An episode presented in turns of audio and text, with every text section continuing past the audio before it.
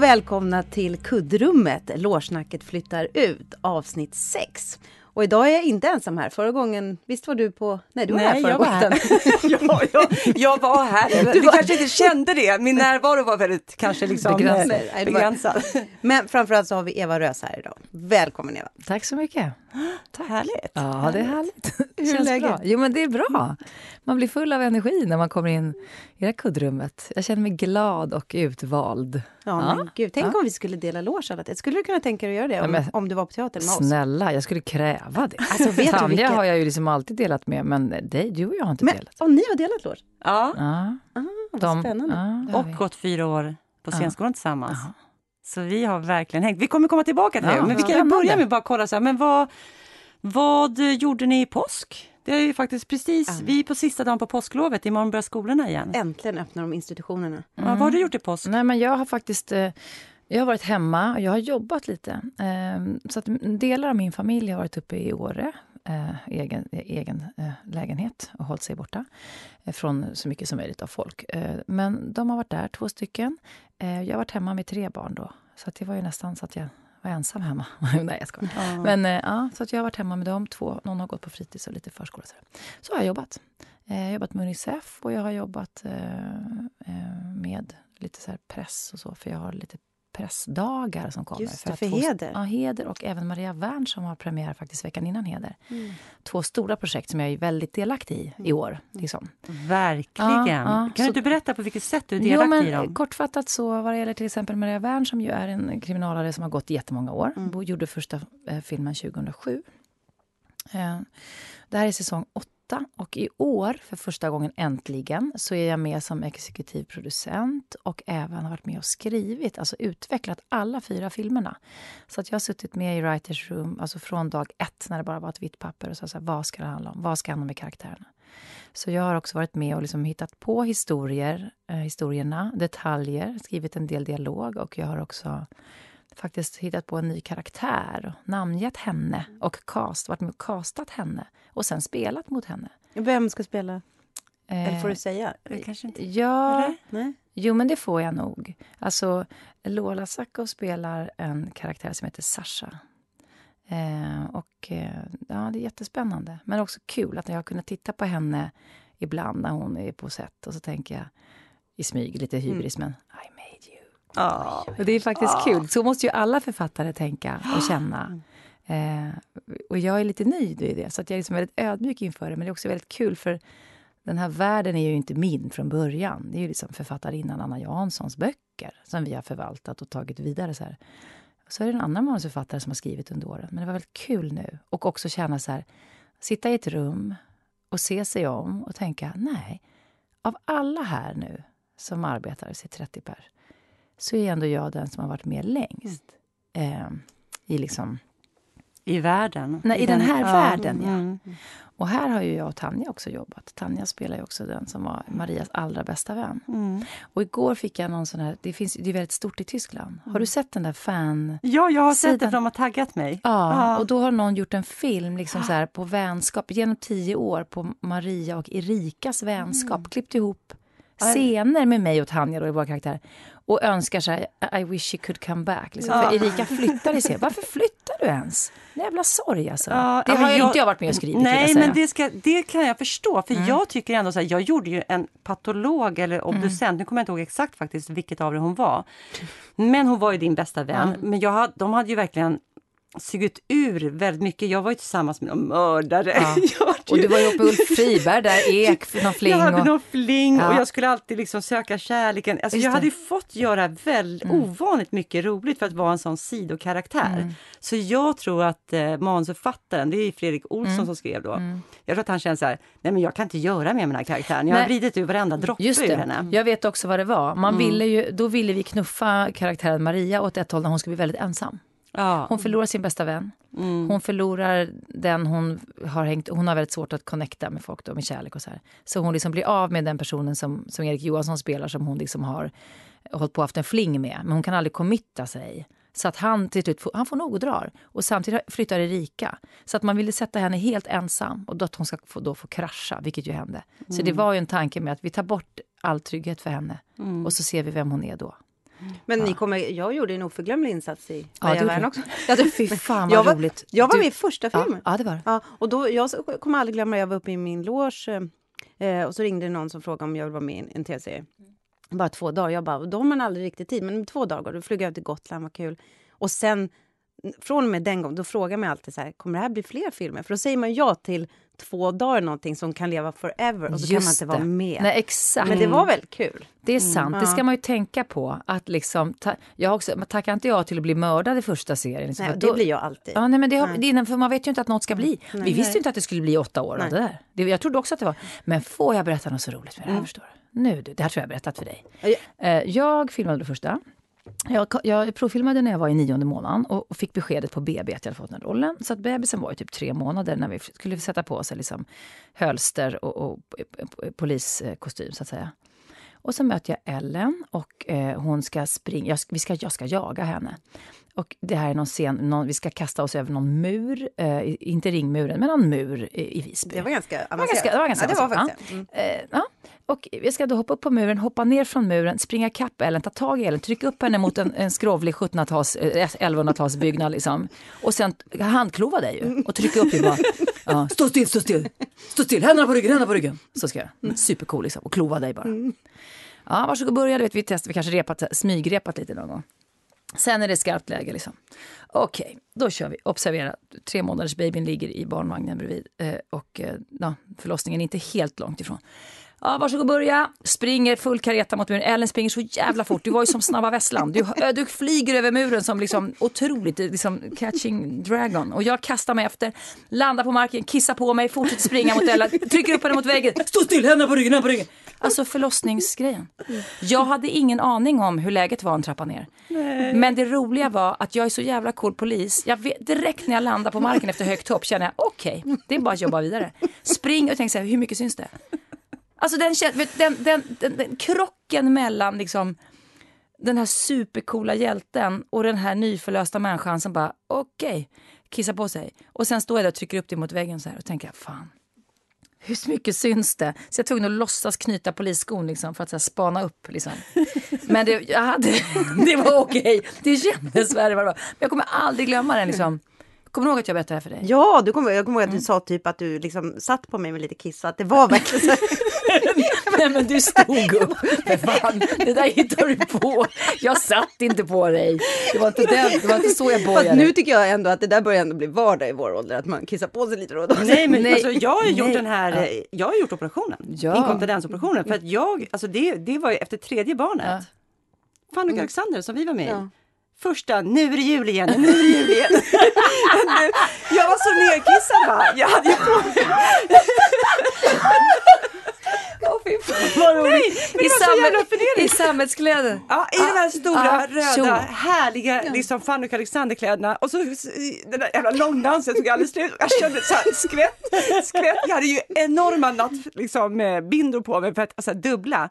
Och sen direkt efter kunde jag inte gå på toaletten utan då stod vi, då skulle scenen snurra, så skulle vi stå och röka lite coolt och då stod jag alltid med Livia. Jag bara, hon bara, hur mycket kom det idag? Jag bara, jättemycket. Nej men alltså det är så blött, nu, nu tror jag att det gått igenom.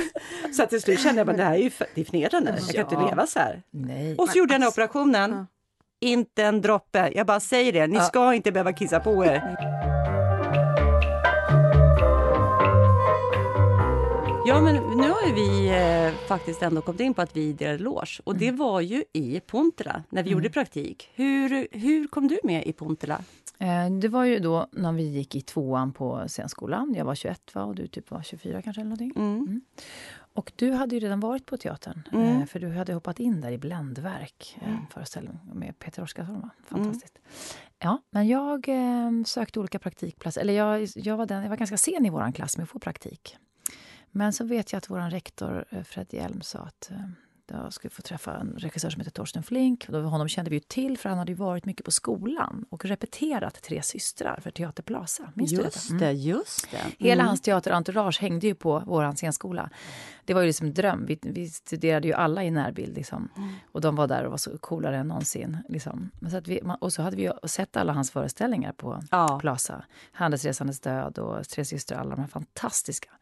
Så att jag visste mycket väl vem det var. Men då så sökte de ju en, en roll där i. Jag, sökte, jag fick ju rollen som Eva, som Puntilas dotter först. Kommer du ihåg det här? Där fick ja, jag den kvinnliga, liksom, ja. stora rollen. Mm. Mm. Eh, och jag hade ju verkligen inte gjort någonting på teatern. Så jag var ju väldigt grön. Eh, och det var lite rabalder med det att man skulle ge en praktikant en så stor roll.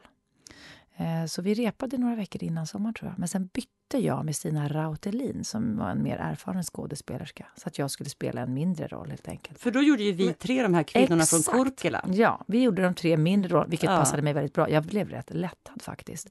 Um, för att, nej.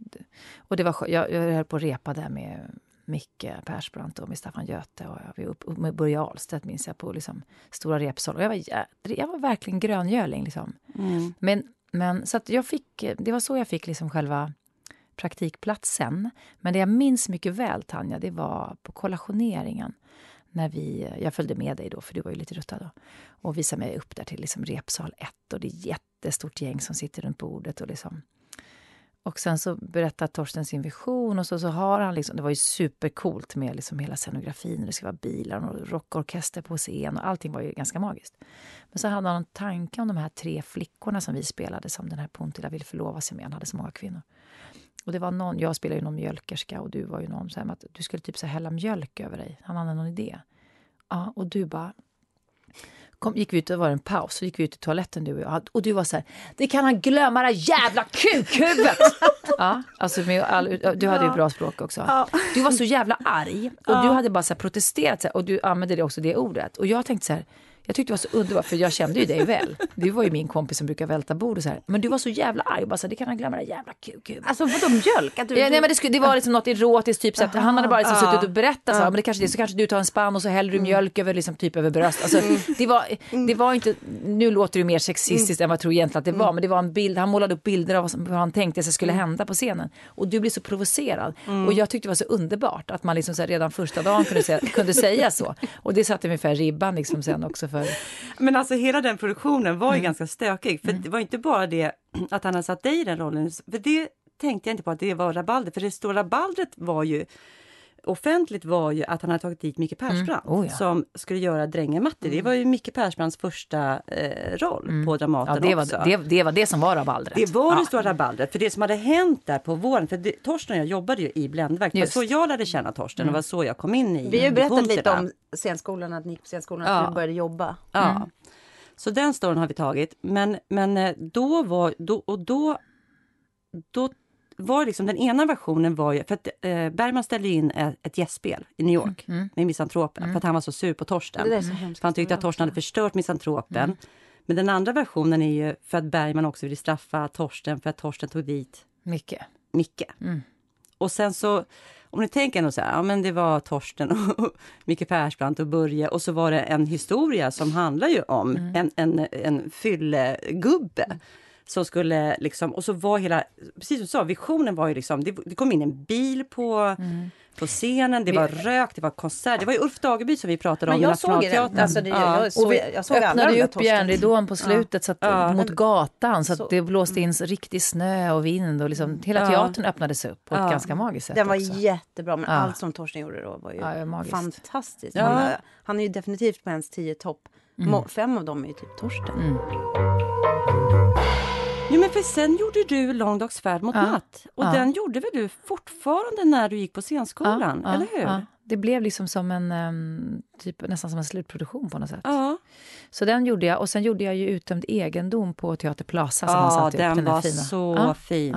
Men vi måste ändå bara säga, alltså Långdagsfärd mot natt den var ju så, den var ju så magiskt bra. Och vi måste ändå ta casten. Du får ta den. För att lyssna bara på det här. Ja, det här var ju då ja, men absolut den mest stjärnbeströdda upplevelsen. Jag är ledsen över att jag själv var med, för att jag inte fick se den. Mm. Det kan jag känna. Jag såg mm. eh, Familjen Tyrone, det var ju Keve Hjelm, denna legend. Marie Göransson som mamma. Och sen brorsorna spelades av Dan Ekborg och Mikael Persbrandt. Och jag spelade då pigan Katlin, så det var en jätteliten roll. Men denna familj att få vara med i och liksom, denna långa föreställning, fyra timmar och 20 minuter, på lilla scenen. Och man visste att varenda kväll, man, man visste att de som satt där, jag brukar titta ut liksom genom ridån och spana lite, så visste man så här, alltså ni, you're in for a ride. Alltså man visste precis att liksom, känslan av att veta att ni kommer bli bjudna på någonting som ni aldrig kommer glömma. tror jag. Och att man, att man får vara med i det. Liksom. Mm. Och jag minns hur föreställningen började med musik av Wim Wenders. Och Kathleen, min karaktär, liksom öppnar en imaginär gardin och släpp, börjar släppa in ljuset. Så. Mm. Det var så otroligt vackert. Och det var så långa, långa, långa, långa pauser för mig. Och då fick jag sitta så långa, långa, långa, långa många timmar med Keve och Marie. Mm. Och hon sa ofta kom ner, alltså, sitt inte uppe i din loge, kom ner, jag kan inte vara ensam med honom. Så att för det var, och jag, jag kallar honom för vemodet från Gnesta av någon anledning. Och så satt vi där vi tre. Mm. För det var långa scener med, med brorsorna och sådär. Det var liksom, nej, magiskt. Och för de som är unga så var ju verkligen Kevin Hjelm en legend. Mm. Och han var ju vår professor Mm. på scenskolan. Vi hade honom också i något block där, Mm. Shakespeare-block. Mm. Och han var en fantastisk människa. Och det kan jag säga så här, det är den enda begravningen jag ångrar att jag inte gick på. Jag gick inte heller. Gjorde du inte det? Nej. Varför Var- var- gjorde inte men du var det? var jag? Jag vet inte var Jag jag, vet var. varför jag inte gick. Ja, Men när dog han?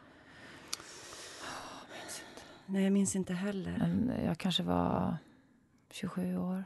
Kan det kan Ja, stämma? för Keve satte ju... När jag kom... Jag hann ju inte ha Keve, men han är ju upphovsman till den här djupläsningen som, Mm. för er som lyssnar, som, som är väldigt stort hos oss, eller som låg för grund, som kanske inte finns längre. Nej, för vår generation Men han- det var att man, liksom, man skulle läsa texten långsamt och liksom inte börja leverera resultat. Man ska utan hälla i sig man texten. hälla i sig Men han, texten men han har varit väldigt viktig ändå Mm. för någon slags Mm. utveckling i svensk Mm. skådespelartradition. Men berätta, var, vad, vad, vad var ni? Var befann ni er när han dog? Varför gick ni inte på Nej, begravning? men jag vet, alltså det här var, jag, jag har, jag har ha, alltid i mitt liv haft svårt att gå på begravningar. Och det tror jag gör med att en, en väldigt nära familjevän, hon var bara 18-19 år, dog i en bilolycka och det var den värsta begravningen jag har varit på i hela mitt liv.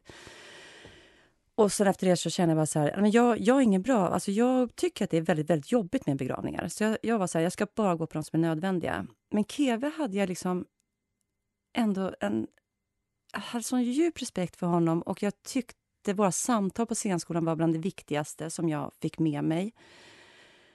Och så blev jag att jag inte pallade att det var så många tunga skådespelare, kändisar. Alltså att det var en sån där... Det var ju som en teaterkungabegravning. Det var liksom Vet ni teaterkungen var det var hade dött. någonstans? Var det Jag tror att det Var var, i all, eller vad heter den här Maria kyrkan? kyrka. Ja, precis, Ja, den vid Mariatorget. Mariatorget. Ja. Och jag bodde ju där då. Ja, Ja, och då, då tänkte jag så här, nej men jag pallar inte att se alla. Och så ska alla säga hur nära man har varit och hur, hur, hur ledsen man är. Och, alltså jag fick en sån här, jag bara, nej jag skiter i det. Men det är faktiskt den enda begravning som jag ångrar, Mm. som jag kan tänka på fortfarande idag. Jag med. Varför gick jag inte? Och jag kommer ihåg att Marie Göransson frågade mig varför kom du inte. Och det var ungefär som att vi borde ha gått dit i familjen. Mm, Förstår du? mm. Så, alltså, på något konstigt sätt. Alltså, det var liksom Ja. den, vad, vad var du? Alltså, Ja, vad, vad, vad, vad var du? Ja? Nej, var, en, en i familjen var borta. Det var liksom, Ja. nu, det är stora ord att säga. Ja, Jag ja, det, men- men, vi var ett litet gäng. Ja, det var liksom, vi, hade, vi skulle gått ihop. Mm. Och sen gjorde vi, sen gjorde vi faktiskt en, eh, vi gjorde dels eh, Leka med kärleken Mm. med Staffan Wallenholm och sen gjorde vi eh, den här väldigt starka tycker Ja. jag, eh, Kvinnan som slagfält. Just det, om kriget i forna Bosnien. Mm, forna Jugoslavien. Forna Jugoslavien, förlåt. Ja. Ja. eh, exakt, vi spelade, jag spelade en krigsjournalist va? och du spelade en, en kvinna som hade blivit utsatt för eh, alltså, Våldtäkt. våldtäkt Mm. som krigsföring. För den handlade ju om just våldtäkt som Mm. krigsföring. Den, jag såg ju den. Det är så roligt. Jag har sett alla. Jag är liksom Ja, några år sett- efter er. Ja. Mm. Så jag såg ju alla era föreställningar. Och det, det var första gången som, precis i den vevan, både er föreställning och snacket runt omkring, där jag fick lära mig om eh, våldtäkt som krigsföring. Och sen har ju det bara liksom, det hade jag aldrig lärt mig innan och då var ju vi ändå över 20. Ja, nej, men det, Det, var väl ingen som hade pratat om. Nej, inte De pratar ju än idag inte om det i de länder. Nej, med Eh. våldtäkt som vapen. Det var ju nytt. Det var, ju, alltså, det var inte nytt, men det var nytt Nej. att det plock, kom upp på agendan. Exakt. Mm, mm. Eh, så gräsligt. Men, hur, Mm. men ni, ni gick liksom hand i hand från scenskolan till Dramaten. Mm. Och några pjäser som följde där. Mm. Och sen gjorde vi faktiskt den här otroligt fina Din tröst är natten. Mm. Och jag berättade för Ellen, det var, så- alltså när jag tänker tillbaka på det så är det så jäkla gulligt. För att vi frågade, vi var ju, vi var ju väldigt på. Ja. Vi höll på med allt möjligt. Vi gjorde liksom då kabaré och så gjorde vi ju ofta så här poesiföreställningar. Ja. Vi gjorde liksom, vi, bara, vi bara tog rummen. Vi Ja. frågade, så här, är det något rum som är ledigt? Kan vi vara där? Ja, vi ordnade fester och vi var Ja. satt i... Ja, då, det var liksom... Vi fixade otroligt mycket. Men Din tröst är natten eh, var ju en nattkabaré som vi gjorde för att Mm. vi ville eh, sjunga och, och spela. Vi ville liksom eh, Göra mer. göra mera. Mm. Och då sa Ingrid Dahlberg så här, ja men eh, ni får göra det, bara det inte kostar oss något. Så vi gick upp i kostymförrådet, hämtade jättefina paljettkläder, Mm, vi skulle ha mycket glitter. mycket glitter. Eh, och sen så gick vi i pausen på stora scenen och så delade vi ut lappar till publiken. Kom och titta på vår nattkabaré efter den här föreställningen. Vi är i Pauli Caféet. Eh, helt gratis. Så här. Och Det var bara ju ni två. Nej, så var det Sanja Marie Patjas, Fredrik Meijer och... Eh, Niklas Atterhall. just det. Eh, som eh, var med i Romeo och Julia-kören och jättebra på eh, vad Jätteduktig det? musiker. Luta liksom. Bland spelar annat. Ja, han bland var annat. jätteduktig Och- musiker. Ja. Mm. Och, ja, på många sätt. Ja. Och så körde vi Ja, så, den där. du, du, Hur många gånger gjorde ni det? då? Nej, men vi körde, dels körde vi en låt i pausen ju. Mm. Så att folk skulle bli nyfikna och det blev de. Och sen så körde vi den här, jag vet inte hur mycket vi körde men vi körde på. Ehm, och den var ju som en föreställning för att trösta människor på något sätt. Ja. Vi skrev låtar och eh, skrev alla låtar och hade, hade, hade några örhängen, liksom, Barbro Hörberg och Mm. vad vi nu hade. Vi hade några liksom, befintliga, sen skrev vi musiken. Det där är ju något att ta upp ju. Det där saknar vi ju det där lullet som vi kallar det Ja. på Dramaten. Så man har ju föreställningen, allt är så himla så här ordentligt ordnat. Mm. Det där extra, varför har man aldrig tid för det nu för tiden? Alltså, det tycker jag är konstigt. Mm. Att vi är ju aldrig på en plats längre. Vi är ju hela världen, apropå telefonen. Jag är så Mm. trött på det, att man aldrig kan vara här och nu. Så att man är alltid på väg någonstans. Men jag Vem skulle ha tid peppa unga människor och säga så här, men vet ni, det är bara att köra. Ja, Det är bara att göra liksom. Om ni vill det, bara fråga eller liksom be bara. Alltså det finns mycket mer man kan göra än vad man tror. Men det finns ju ett nummer som inte kom med. Som jag kan, alltså jag kan dö när jag tänker på det. Jag och Fredrik Meijer då, som nu är... Åh, fan, är, är, det, ja. trum, är det den koreanska trummorna? Fy fan. Och jag och jag Sonja Åkesson! Nej, men gud gode Krist tur att det finns alltså, censur. Det är så jävla sjukt. Vi hade varit på en schaman och trumkurs i Korea. Vem har den? Sydkorea. I Korea? Jag och Fredrik Meijer. Så Hur, vi, hade, hur länge? Ni var där i vi var där i två veckor och vi trummade från liksom sju på morgonen till typ så här 20 20.00 på kvällen. Vi bara trumma, trumma, trumma, trumma. Och så fick vi köpa med oss de här heliga trummorna. De är stora, de går upp till liksom Men vem knäna. skickade dit er? Eller var det något stipendium? Peter Oskarsson som ordnade ett stipendium till oss. Eh, Sydkorea då? Sydkorea. Ja, Sydkorea. klara ut. Och sen kom vi hem med de där trummorna och vi hade ju, alltså det var så jävla coolt, vi kunde ju trumma verkligen Ja. i takt och man står på knäna och så Ja. är det så här, badum, Ja, ni var ju svinbra. Ja, Det var ju svinbra. Och sen säger vi till Eva, bara, om du läser en Sonja Åkessons dikt, vara Vara- vit mans slav. Vara vit mans slav. Ja, och jag observerar, jag var liksom, hur gammal var jag? 25? Alltså jag hade inte, jag hade inte familj och ingenting. Här hade vi knappt en man. Jo, det hade jag väl. Men liksom, det var, det var, den dikten är inte för en väldigt ung kvinna Nej. egentligen att läsa. Skitsamma. Och kanske inte med koreanska schamantrummor heller. kanske och så inte. började vi... vi började repa i repsal 1. Ja, absolut. Ja, eller hur? stora, stora repsalar. Ja, stora repsalen. Och så Ja. körde vi. Och vi tog om, vi tog om. Och så kom det upp en otroligt stressad inspicient, Måns Pettersson. Vad Måns? Måns, han kom upp, han kom upp helt med ögonen så här enormt stora. Han bara, hörni, hörni, hörni, det, det, det, det, det är tre minuter kvar nu tills Margareta Krook ska spela Lyckliga dagar. Hon undrar, hon undrar om ni kan sluta trumma. För då hade vi, du vet, repsalet Nej. ligger precis ovanför målarsalen. Vi hade kört Vara vit mans slav. Nej, jag skäms bara att tänka på det. Maggan, Maggan var Nästa gång repade vi i marmorfoajén. För Ja. vi tyckte det var så häftigt att det ekade. Men alltså det måste ha låtit ens? för Varför jävligt. fanns Alltså. Sen kom det någon annan Ja, och och sa, sa till. "Hörni, ja, hörni. Det här med trummorna. Kan vi ta pinnen och stoppa upp dem liksom, där solen aldrig någonsin ens har lyst? Nej. Sen strök vi det. Ja, och och för sen var det också någon lite äldre kollega som sa, "Mm, jag vet inte, vem fan var det som kan ha sagt det? Men som, jag hade lite synpunkter just på valet av text, lite finkänsligt, så här, kanske inte riktigt den där vara vit man slav. Ja, det var något, men sen tog vi tog vi bort den numret. Det hade ju varit episkt att ha det kvar. Ja. Men det som var kvar var ju väldigt kul.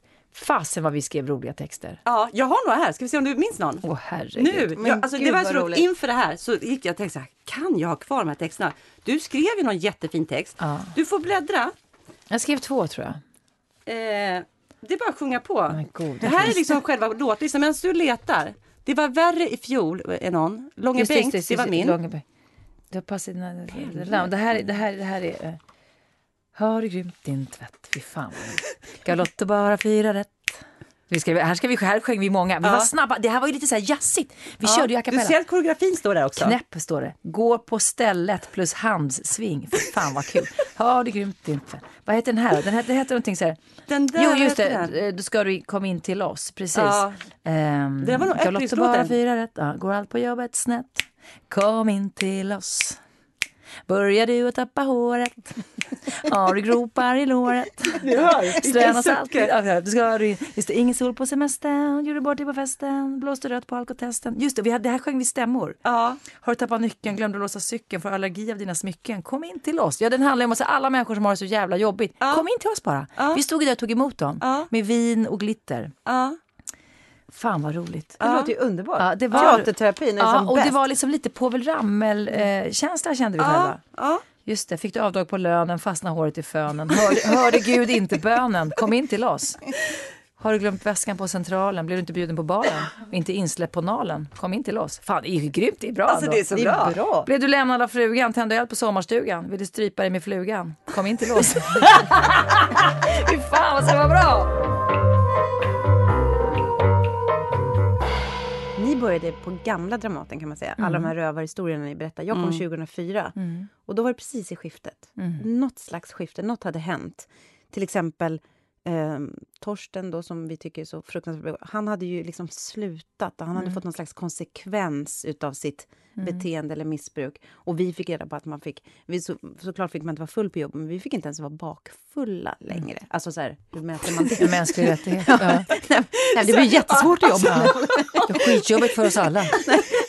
Nej, Det lät vi- och vi ja. fick inte ens vara Men på, vi, fick ju ha stora fester. Vi hade ju fester överallt. Vi ordnade ju ja, fest i varenda liksom, slott och koja. Och det, det är ju kanske inget att, att, hylla, men, men det var en rolig tid. Margareta Krook satt där vid- utanför scenens byrå. Alla var ju där fortfarande då.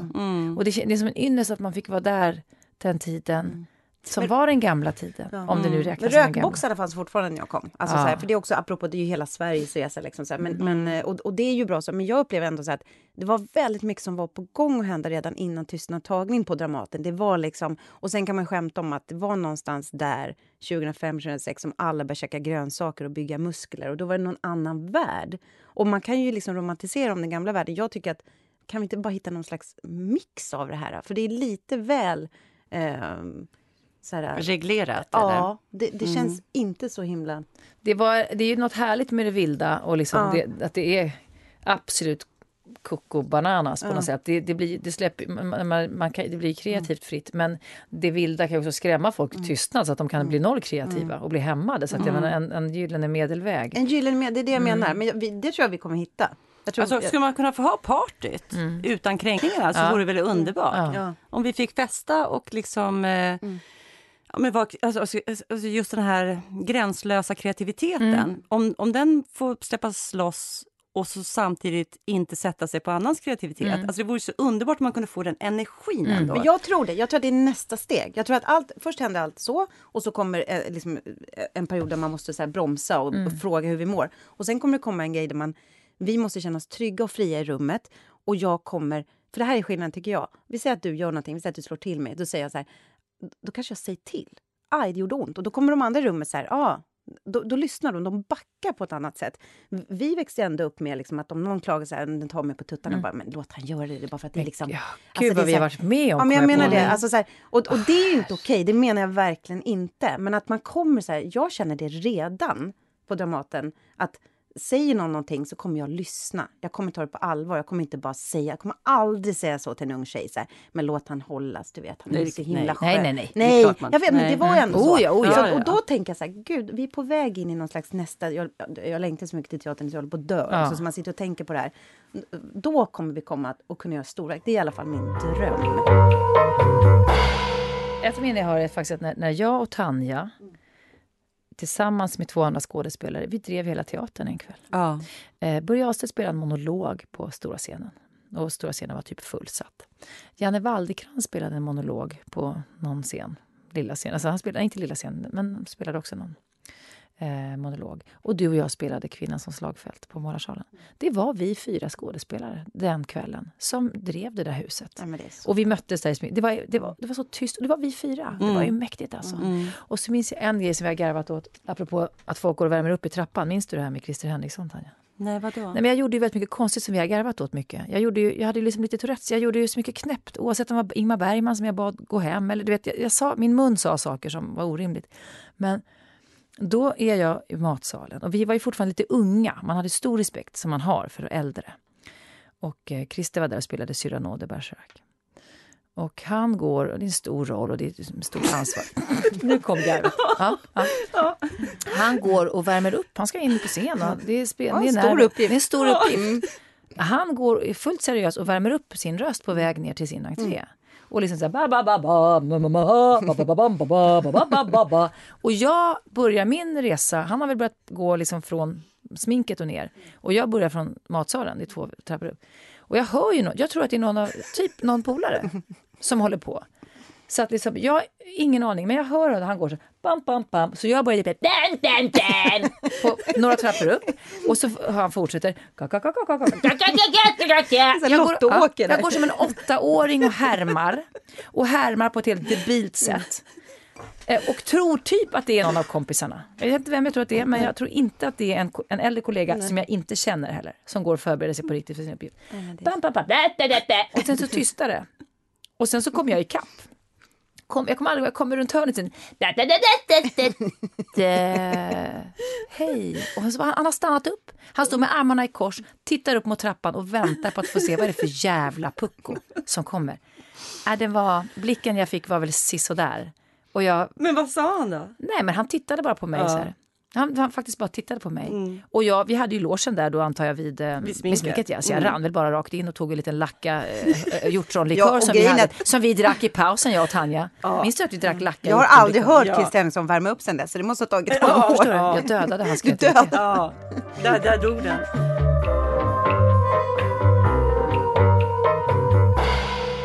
Men du går upp väldigt tidigt på morgnarna. Ja, är det sant? Alltså, för jag har sett det på Instagram. Idag men var varför, det 05.13. men varför går Därför att jag tidigt? kan inte sova. Är det sant? För jag, jag blir galen. När jag, jag är alldeles för slö. Nej, men om jag vaknar så jag aldrig, absolut inte kunna somna om. Då är jag på gång. Helt, idag 05.13.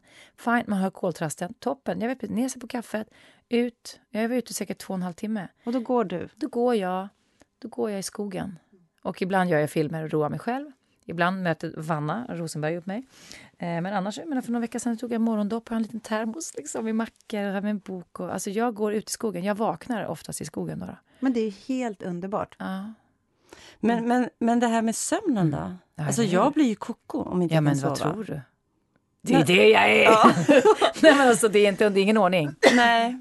Men, går du och lägger på kvällarna då? Ja, det gör jag väl. Mm. Men det är, inget, det är inte så att jag lägger mig vid nio, tio. Alltså, Eller det kanske jag gör ibland förresten. Men, men, eh, nej, men jag, kanske vid elva, inte vet jag, tolv. Jag tycker också att vi är uppe på nätterna. Det vet ju du Tanja. Oj vad vi har varit uppe på nätterna. Du. Oj vad vi har festat runt. Och varit på klubb. Fan vad roligt. Det saknar jag. Ja, det måste vi gå ut lite nu Ja, men förstår corona- du? Vi måste gå Alltså ut. jädrar vad vi har partat. Och du lärde mig, och jag skäms bara tänker på det. Och jag gick i Tanjas skola, vi var så fattiga, vi var på Café Opera, vi smet in överallt. Och så alltså jag skäms bara tänka på det. Kommer du skulle lära mig hur man skulle få till... Och vadå? Åh, man skulle få en gratis bira. Öltjuv. Alltså jag skäms. Det kostade, vet, det, var, det kostade mig själsligen och förnedringsmässigt mer än vad det gjort att slanta upp mitt lilla studielån och betala min egen öl. Tanja så här, lyckades bli bjuden på allting hela tiden. Och jag gick efter och, och jag drack inte så mycket. Du, Nej. du var ju rätt bra på att dricka. Men du är ju det fortfarande. Och du, du fnissade åt mig när jag kom till vår scenskolefest och jag kom med en halv flaska vin jag hade köpt på systemet. Jag blev ju utkastad nästan från Riddargatan hemma hos någon. Jag tog ju med en halv flaska. Ja, det räcker väl. Nåväl, jag, du lärde mig att, att försöka få liksom någon att bjuda på bira. Och det var, alltså jag skämde. Och man stod och snackade och jag kände, hur länge måste jag stå och snacka med den här jävla idioten? För att Hur länge skulle- måste man för att Nej, få men en du? Om man ställde sig bakom och inte riktigt nådde fram till bardisken så var ofta någon som sa, "Ska- vad vill du ha? Och det betyder inte alltid jag bjuder utan det betyder bara jag kan beställa åt dig. Oftast i, Tanjas fall så betyder det, när hon var så jävla cool, va, så att det betyder det, vad vill du ha? Så fick hon den. Så, så här, pi- vickade hon lite liksom. Fan vad du var cool Ja. Tanja. Och då när jag skulle göra det, hon vickade till lite och gick, så skulle jag säga en öl tack. Alltså jag ville inte ens dricka alkohol, men jag ville bara mest dansa. Och så fick jag den där ölen och så stod jag kvar och pratade. Och det är pinsamt, alltså jag skäms bara, måste veta. Det är pinsamt att han tänkte inte bjuda mig på en jävla öl. Så att efter vi har stått, tag, efter stått och pratat typ en minut, så här, vad jobbar du med? Jag säger, "Nej." Han bara, ehm, är du en öltjuv eller? Nej. Jag förstår? Man bara står på Café Opera med långa ögonfransar bara va? Alltså, typ, han stod och sa 36 spänn. Alltså, den kostar, alltså, du alltså, det, och jag, Åh, och så Nej, bara jag- se att han, jag Ja, glider nej, men iväg med du? ölen. jag Alltså. ville döda dig. Ska jag döda den jäveln, jag. Jävla kukhuvud. Ja, tänkte jag. Alltså jag skämdes, och det var liksom inte värt det. Det var liksom någon slags form av... Nej men du var ju ingen bra, alltså det, du gjorde inte det bra i så fall. Nej, alltså, det absolut Alltså, inte, man, för jag man skulle vill se inte- så här, man bara åh gud, åh gud vad trångt det är. Så här, nej, men jag, var, jag var expert på det, jag hade inga pengar. Nej. Jag hade ju verkligen lärt mig Ja. hur man får gratis. Och jag hade alltid pengar, Öl och det? För jag jobbade hela Ja. tiden. Du jobbade hela, Hela tiden, du tog inte ens jag. studielån. Nej, det gjorde jag inte. Nej. Jag jobbade hela scenskolan. Mm. Och jag lånade alltid ut pengar till alla er. Mm. Till oss andra. Idioter. Ja, Ja, roligt. Jag vill gå ut mer än när pandemin... Vi hade ju lite tjejmiddagar där ett tag. Där på, Ja, det måste vi ha mer. Det måste vi ha Så mer. mycket Mm. roligt. Alltså, så mycket, vi får se hur långt den här podden, liksom, hur länge den håller på. Men så många roliga saker man kan berätta. Hörni. Så mycket som har hänt. Och vi har inte pratat om vad som har hänt i logerna riktigt. Nej, men alltså... Nej. Gud. Men du vet, vi har så många som vi ska sitta här och prata med. Alltså, Ja. Det är det bästa. Mm. Hoppas att alla ni som lyssnar är intresserade av det. Vi har så många stories. Och jag har, när jag kommer tillbaka nästa gång då ska jag berätta om hur det var när jag för första gången liksom fick komma in backstage. Det gick inte, jag var inte på Dramaten. Det var när jag fick följa med Gunilla Rönn när jag pluggade till scenskolan. Och, och hon hade spelat en föreställning av Franska fönster nere på stora scenen. Med alla stora. Jan-Olof Strandberg, Margareta Krook, Lena Endre. Jag måste bara berätta sen bara liksom, vad det innebar för en människa. Nej men det, ta den nu. Okej, okej, okej. Ja, ta den nu. så här, jag, jag fick läsa till scenskolan med Gunilla Rör. Av, det är en lång historia varför, men av en slump liksom, via någon kollega på SVT. För jag hade ju råkat komma in på ett bananskal på tv där när jag var 18. Ja, nåväl, han kände Gunilla. Han sa du kan få följa med och träffa henne i matsalen på Stadsteatern. Och bara det räckte för mig. Jag tänkte jag kan dö lycklig. Jag har fått gå in på mats, i matsalen. Jag har sett skådespelare äta lunch. Jag behöver aldrig någonsin mer någonting mer i mitt liv. Hon tackade jag på något sätt till att ta med an mig som elev. Och när vi hade läst några gånger med varandra så sa hon du kan ju komma och se en föreställning jag spelar på Dramaten. Och jag hade ju varit där mycket och tittat. Men då var det en föreställning, den hette Franska fönster. Och ja, med Tommy Bergen som regissör. Och som sagt, det var Lena Endre, Jan-Olof Strandberg, Margareta Krook, det var Gunilla Rör, det var Johan Rabaeus. Det var alla liksom. Alltså vilka Ja, ja, ja, rollister. det var helt otroligt. Och eh, efteråt så de hade ofta en liten, eh, liten meet and greet i Maggans loge. Och jag som bara är liksom en blivande, inte ens visst, ja, jag är bara en teaterhögskolestuderande, eh, inte ens det. Jag försöker komma in på scenskolan. Men det här är det här liksom pass it on som Gunilla Rör gjorde mot mig. Som jag försöker göra liksom med andra yngre adepter som på något sätt längtar till teatern. Så här, man visar dem ibland vägen in. Hon sa så här, möt, hon mötte upp mig. Så tog hon med mig in. Och bara det att jag fick gå in sceningången, alltså jag... Nej, det var helt ofattbart. Fick jag komma in i... Fick komma in till Margareta Kroks loge. När de sitter där och dricker lite punch eller du vet, de tar sig ett litet järn. De har eftersnack. Och jag blir presenterad för de här elefanterna. Och jag är så starstruck så att jag, jag vill liksom gråta.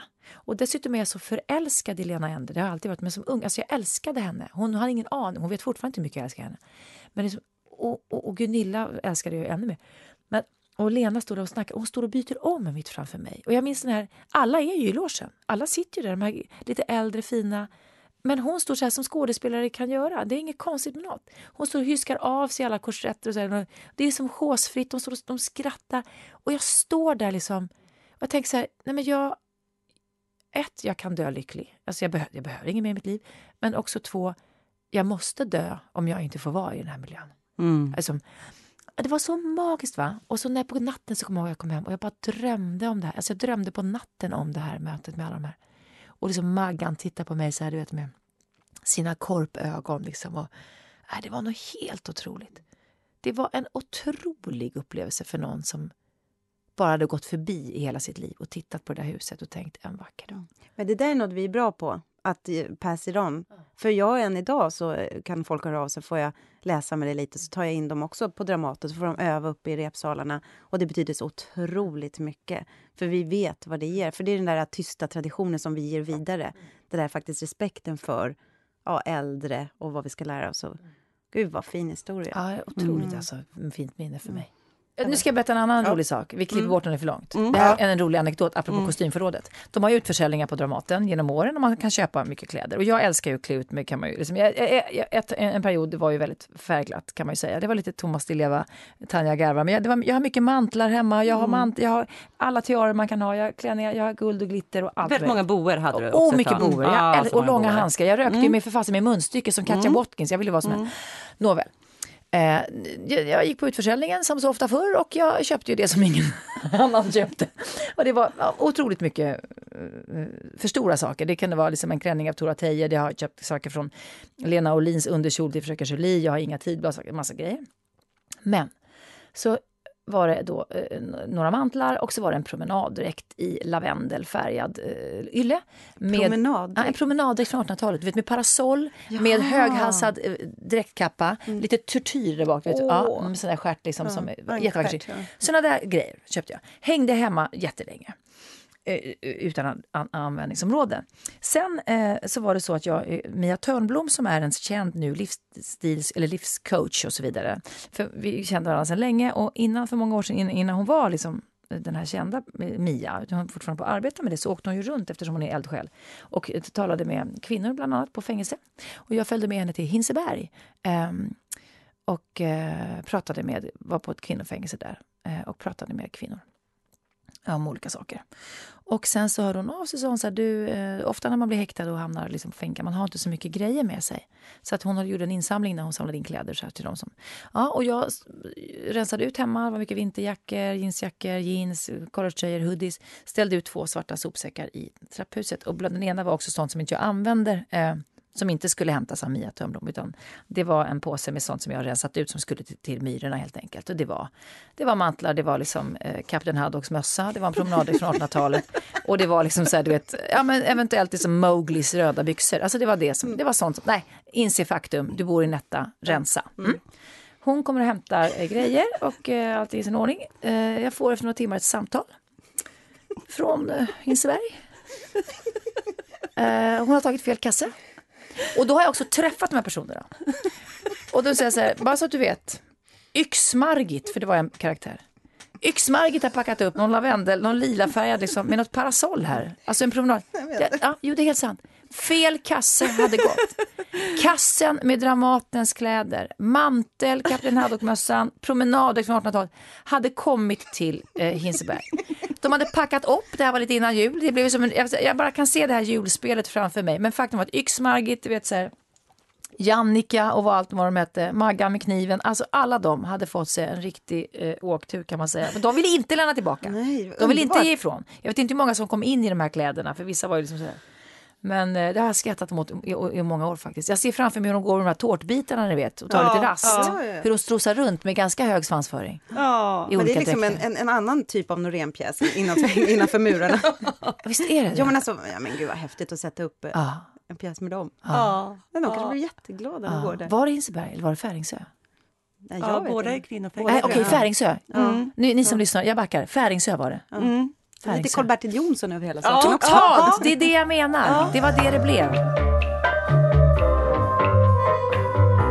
Nu är jag så nyfiken. Jag har velat fråga här, liksom, eh, sen du kom hem, men jag tänkte jag spar det till ikväll. Eh, du har ju seglat över Atlanten. Ja. Vad, alltså, berätta. berätta. Du ser på mitt ansikte hur... Ja, Ja, ja. ja. Nej, men jag kom hem för ungefär en månad sedan. Och ehm, jag tackade ja till att vara med i det här programmet som är ett program som sänds på tv. Och det har gått i två säsonger innan och jag har inte sett det. Jag har Ja. faktiskt inte heller sett det. Men jag har fått frågan. Jag har sett, Ja. jag gillar det. Ja, jag har Mm. fått frågan de andra säsongerna men, men tänkte absolut inte. Ska jag vara instängd på en båt bara sitta still? Jag som tycker om att ut och gå. Glöm det. Jag vill klättra upp för berg, det vill jag. Så att jag har liksom avfärdat det plus att man aldrig, jag har aldrig haft den där tiden att vara borta för ofta har man legat i jobb. Men efter det här konstiga året med tusen eh, Zoom-samtal vid köksbordet så kände jag bara fan ge mig ett äventyr please. Och så fick jag frågan igen. Ska du inte ta och segla över Atlanten? Jo tack, det ska jag. Så det var ganska lätt plötsligt att hoppa på. Jag var ganska rädd. Ehm, men det visade sig bli en av de mäktigaste och de vackraste upplevelserna i hela mitt liv. Och jag har fått så här liksom skräcksköljningar i kroppen av rädsla för att tänk om jag var nära jag var på att tacka nej igen. Mm. Tänk om jag hade gått miste om det här. Det var liksom helt, det var väl 19 dagar öppet hav. Um, vi seglade från Kanarieöarna ner mot Kap Verde. För Det tog ungefär tre dygn för att vi var tvungna att göra en sista covid-test och ändå var ganska nära land om något skulle hänt. Men när vi fick grönt ljus på båten då, att vi, har ingen, vi gjorde test på båten, så gippade vi liksom, och så var det bara öppet hav. Och det var stundtals 7000 meter djupt. Och det var inga andra båtar på havet, inte ens på radarn. En gång såg vi lanternorna långt bort av ett lastfartyg. Annars bara, bara vi. Eh, man seglade båten då givetvis 24 timmar om dygnet. Det var 3-5 meter höga vågor hela tiden. Nätterna var bäst för mig. Alltså man sov ungefär tre timmar. Man jobbade i skift hela tiden. Och på nätterna, stå, att stå där, hälften sover. Man navigerar liksom under Sirius, aftonstjärnan. Mm. Alltså jag navigerar efter planeten Mars. Och jag som är så hooked på stjärnbilder och stjärn, Att, liksom, att stå där och segla båten, precis som Columbus och Vasco da Gama. Alltså det var ju bara, det var inget motorljud, bara havet. Alltså jag såg Andromeda-galaxen. Man ser som Cassiopeia som ligger upp och ner i havet, hennes stjärnbild. För att vi är ju på andra sidan och hela horisonten är ju en kupol. Mm. Du såg stjärn... Ja, södra halvklotet är ju helt ja. annorlunda. Det är så häftigt. Ja, och att, att stjärnhimlen är en total kupol. Det var så uppenbart. liksom. Man ser det Southern Cross, stjärnfall, mareld, jättemycket mareld. Så att ibland visste man inte vad som var stjärnor och vad som var mareld. Delfiner som följde med båten. Vi hade någon haj som följde med några dagar efter diskvattnet. Liksom. En Men hade ni okej okay övergång, alltså apropå väder och, och Ja, vi hade, vi hade ingen stor storm, men vi hade ju, det kom ju såna squalls som liksom kommer regelbundet hela tiden och man kan se när de kommer. Och vi var ju fastspända hela tiden för att vi, det alltså var ju det gungade enormt. Alltså man ramlade ju konstant hela tiden. Men fastspända hela tiden? Alltså. Ja, inte inne när vi var inne Nej, och sov, men, men så fort man gick ut, mm. alltså eh, för att skulle du falla över bord då, då, skulle det vara ganska svårt. Mm. Vi, var finns... du rädd någon gång? Nej, jag, grejen var nej, det var jag inte. Utan jag ville bara ha mer. När det kom de här stormarna, då, då var jag där ute och bara skrek. Jag ville bara ha mer. Alltså, Frun från havet. Ja, fasen ja, alltså. Det är en pjäs som Eva gjorde på Dramaten för några mm. år sedan. Ja. Ibsen-pjäs. Ja. Ja, Nej, men alltså den här enorma längtan efter... Jag, jag var i sorg när jag kom i land nästan. Jag stod på stranden och tittade efter båtarna som la ut från, från Sankt Martin som är en ö i Karibien. Och bara så här, ta med mig. Men du måste ju segla mer. Jag vet. Om du kan få möjlighet. Jag vet. Men hade du seglat innan? Nej. Aldrig. Alltså jag, jo, jag har seglat så småbåtar. Mm. Men jag har aldrig varit med på inte ens en vanlig familjebåt och seglat. Och Nej, aldrig. Men hur mycket var det, alltså fick du lära dig? Så här, och, ja, det var ju vi som skulle segla båten. Skulle, så ja. du var liksom, det var viktigt ändå, din insats? Ja, alltså ja. vi skulle segla båten. Vi skulle lära oss där. Det var ju två, vi hade ju en kapten, så var det två vaktchefer då, för vi jobbade ju dygnet runt. Så att, eh, vi, var tvungna vi var två grupper då, med tre i varje. Så vi men hade, sjösjuk då? Blev du det? Ja, jag blev kanske något dygn, men jag hade sånt där mm. plåster. Okay. Men det var ju vissa som spydde på en gång och kräktes. Så, men... Hade de flesta, utan du inte nämna men hade de flesta så en fin upplevelse? Eller var det några som... Ja, en, en person ville hem direkt efter mm. tre dagar mm. och ville bara hem. Men det gick ju inte då? då nej, det, bara... det, gick inte. Och det var ju svårt i en grupp. Mm. De andra hade, tror jag, också mm. fantastiska upplevelser. Och det var... Jag, jag ska säga att den stora grejen var på något sätt att, att få en paus mitt i livet i vi, tre veckor utan att kunna bli kontaktad, alltså inte kunna bli nådd, inte kunna tänka på en, bara ha en enda uppgift, segla båten och försöka laga mat. Det var så otroligt välgörande för mig och jag tror för alla. Och jag kände att jag liksom, alla på något sätt blev sin egen ursprungsperson. Om du tror jag menar. Mm. Jag kände mig som min tolvåring på kollo. Alltså jag blev den som jag också är, men som man tappar bort lite ibland. Har du kunnat behålla den liksom, känslan när du kom hem sen? Och, liksom, du har jobbat jättemycket. Jo, alltså nu är det egentligen bara längtan som jag kan behålla. Mm. Alltså insikten om att jag har absolut inte tid att vara här bara. I'm sorry, det går inte. Det är för många berg. Men du sa så här, ja, men det enda det, det jag tar med mig är att, att jag kan inte bara vara här. Mm. Utan jag måste mm. bestiga berg. Mm. Ja, jag åka tåg så långt man kan. Alltså, ja. det är en otro... det, fast det har jag ju alltid haft i mig. ja, sätt. det har du ju. Du har ju alltid dragit iväg eh, någon gång under året. Ja. Alltså oftast de här januari, februari, mars månaderna har mm. ju ni som familj mm, alltid. dragit iväg. Men ska ni göra det nu? Ja, nu blev det inget i år på grund av ja, corona. Mm. Men det var ju bokat. Barnen går i skola utomlands och vi sticker. Och jag tackar nej till alla jobb. Det är också därför har det lite svårt med teater ska jag säga. För man kan inte börja repa något på hösten som ska spela runt vinter för då åker man. Jag kan inte börja repa något på våren heller för då är man borta. Kommer hem i mars. Undrar hur länge ungarna vill haka på. Ja, det får man ju se. De är ju tonåringar nu. Ja, sen blir de ju det. Mm. Eller några, en är ju det. Men... Men de är ju ändå uppvuxna med det. Mm. Har, upp, har de uppskattat det? Alltså har de tyckt att det också blir en... För det måste ju bli en, en paus från, från vardagen där de också får er på ett annat sätt. Ja, men det tror jag verkligen. Det tror jag. Och att det, är som, det är samma där man går upp på morgonen, man surfar i soluppgången. När solen och månen är uppe samtidigt. Det är också det. Mm. Det, det får man ju inte missa, Ellen. Det är därför man måste gå upp på morgonen. Ja, men jag måste gå upp på morgonen. Ja, Jag du känner måste. det, alltså mitt, hela mitt Mm. liv. Men några gånger, alltså jag kommer aldrig glömma en morgon när jag gick upp här i Sverige och det var, ja, men det var så dåligt väder, jag var så trött. Och så såg jag dig på Instagram, då stod du på händer Ah. eh, på en stand och då kände jag så här, ja men, ja, men nu går jag och hänger mig ändå. Alltså, Ja, ja, ja, alla blir inte glada. nej men alltså Nej. jag älskar ditt Ja. Instagram, men ibland när jag har varit så här, om nu är jag på Mm. väg till någon repetition, alltså så här, apropå Ja. Allt, då, då har jag verkligen känt så här, nej men vet du vad, nu avföljer jag Eva. Ja. klarar inte av att se. Nej, men det är fler som, och det är oftast när vi är då, för vi är ofta under februari, det är januari, Ja, februari, mm, mars. exakt. Så är jag där. Mm. Och jag, liksom, jag badar i passionsfrukter. Alltså det är verkligen så. Mm. Och, ja, men det är ju ett val då. Mm. Och då väljer man bort, ja men jag längtar ju, jag kan ju se på era och jag längtar till teatern. ja, För man väljer ju bort, alltså det är också Mm. det, man måste också eh, hantera sorgen av det man väljer bort varje gång man väljer något. Jag såg förresten häromdagen att du hade 150 000 följare. Ja. Grattis! Bra Ja. jobbat. Tror, jag, tror att de hatar mig när jag står på händer? Nej, jag tror att de flesta Nej. älskar dig. Jag är lite självmordsbenägen av och till då och då. Ja men det, det, tycker jag, det tycker jag man kan få vara. Ja, jag är väldigt labil människa, så du, du ska inte ta, om jag tar livet av mig så är det inte ditt fel. Ja, men du har så mycket saker, men vad händer liksom nu efter att du går ut ur den här studion? Hur ser ditt liv ut framöver? Jo, just nu så har jag faktiskt premiär på två serier. Den ena är Du Maria Wern eh, som har premiär 19 april. Eh, nya, fyra nya filmer som jag varit med och, och faktiskt skrivit, utvecklat och eh, då eh, producerat som exekutiv producent. Och sen är det ju vår serie Heder, säsong två, väl emotsedd och längtad efter, vilket är skitkul. Och det är jag, Alexandra Rappaport, Julia Duvenius och Anja Lundqvist eh, som har då varit med och utvecklat den här säsong två, eh, där jag också då får vara med som exekutiv producent. Och det är en skitbra säsong. Vi är jättestolta över den här omgången. Och vi skriver också på eh, säsong tre faktiskt, as we speak. Så att det är väl det som kommer precis just nu. Om man nu inte har tröttnat på min röst och så, så kan man ju titta, zooma in och titta på detta på, eh, på tv. Nej, men hörru, vi ska börja runda av här nu tror jag. Eh, vi, vi tänkte idag att vi skulle så här, bjuda på, och du får börja improvisera Eva, för du har inte blivit förvarnad om det. Nej. Om du, vi har några kulturtips.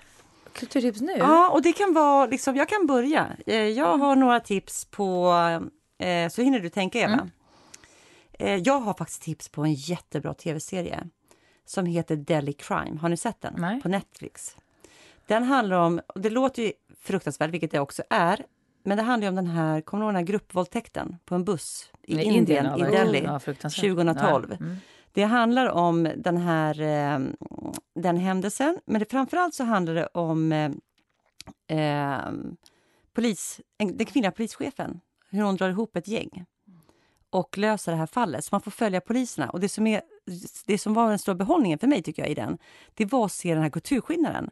Eh, poliserna i Indien, liksom, kan, det kan gå flera veckor innan de får komma hem och träffa sin familj. Och de har jättedåligt betalt. Och det är en helt annan. När de, när de blir arga tar de av sig skon och slänger på det här eh, eh, Förhörsbord. ja, förhörs, Ja. Liksom, människan, eller den som Mhm. liksom, är en av de anhållna. De tar ju alla de här.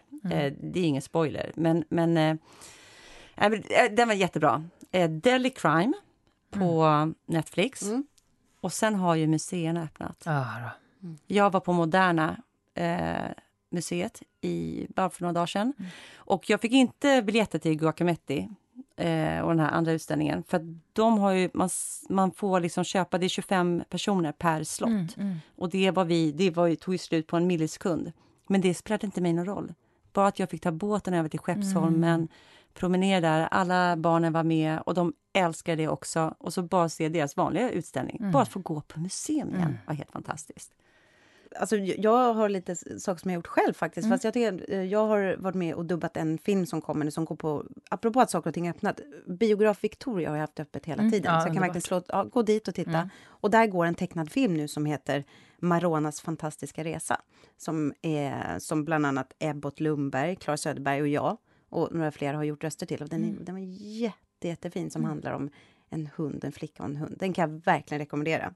Och sen kan jag rekommendera Maria Frensborgs bok Dag före röd dag. Som mm. är lite som, ja, men som visar en, kvinnor som vill vara ekologiska och jätteduktiga. Mm. Den är väldigt, väldigt rolig. Den kan jag rekommendera. Den finns mm. också inläst på Storytel. Och det är faktiskt också jag som läst in den, så det känns lite ego. Men det är två... Ja, du kör så Regina Lund, det är en sommarprat Nej, men du, du, Därför vet du ju du vet hur du vad Den är bra, ja. ja. Mm. Maria Frensborg och så den här fantastiska filmen. Så ja, de två. Mm. Roligt. Ja, då kan jag få ta upp din stafettpinne för att jag har läst, men även då läst in, men en bok av Kazuo Ishiguro som ju vann Nobelpriset 2017. Tror jag. Eh, han har kommit ut med en ny bok som heter Klara och solen. Och den finns nu både att lyssna på och eh, att läsa. Och den är så spännande för den handlar liksom om en, någon slags tänkt framtid eh, där man kan gå in i en butik och, och köpa en, eh, som en vän alltså till sina barn. Lite som det fanns en tv-serie som vi var med i, Ellen, som heter Äkta människor. Ja? Lite så här, en framtidsdystopi, men jätteotroligt vackert språk. Och man får följa, Clara är då en sån här hubbot eller mänsklig, en android. Och man får följa henne liksom när hon då får en flicka, en, en, en, en ett, en, ett människobarn att ta hand om. Jättespännande och jag tycker väldigt mycket om hans språk. Så jag har en stor behållning av att läsa. Och sen var jag faktiskt också Tanja på museum bara för några dagar sedan under påsklovet. Och då gick jag till Nordiska museet med några av mina barn. Och där finns det en utställning som jag snubblade över bara av Strindbergs tavlor och originalversionen av Fröken Julie som ligger där. Och du kan titta på hans brev och du kan titta på manuset av det som...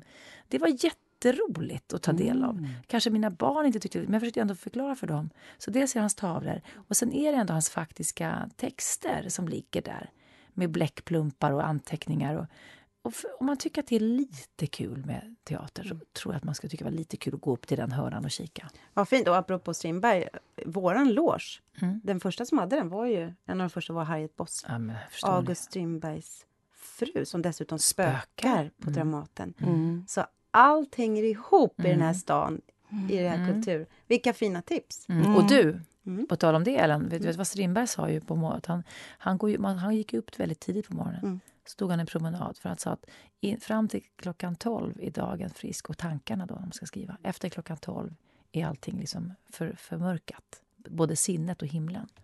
Så han var också en tidig planerare. Det är säkert så. Jag älskar ju nätterna också, men, men jag, ja. jag vill gå upp tidigare. Jag vill ja. se soluppgångarna. Mm. Ja, men vad härligt, hörni. Men då, då är det tack för idag. Men vi tackar eh, som alltid Emma Janke, vår producent, och tack till Ljudbang. Tack till Matte Bye för vår fina musik. Och sen så tjatar vi fortfarande. Prenumerera gärna på oss på kuddrummet Lårsnacket flyttar ut. För då får ni avsnitten först. Och vi finns ju på Acast och Apples, den här podcast-appen och ja, där poddar finns helt enkelt. Vi har ju även ett eget Instagram som heter Kuddrummet podd, söker ni på då. Och om ni gillar det här så tipsa jättegärna vänner och bekanta och eh, ja, se till att vi får fler lyssnare helt enkelt. Eh, och sist men inte minst, stort tack till Eva Röse tack, för att du kom Eva. hit idag. Tack snälla för att ni så bjöd in mig. Ja, underbart. underbart. Du får komma tillbaka. Yes. Det är givet. Yes, ska ni ha för det. Bra, tack, tack för idag. Hej då. Hej då.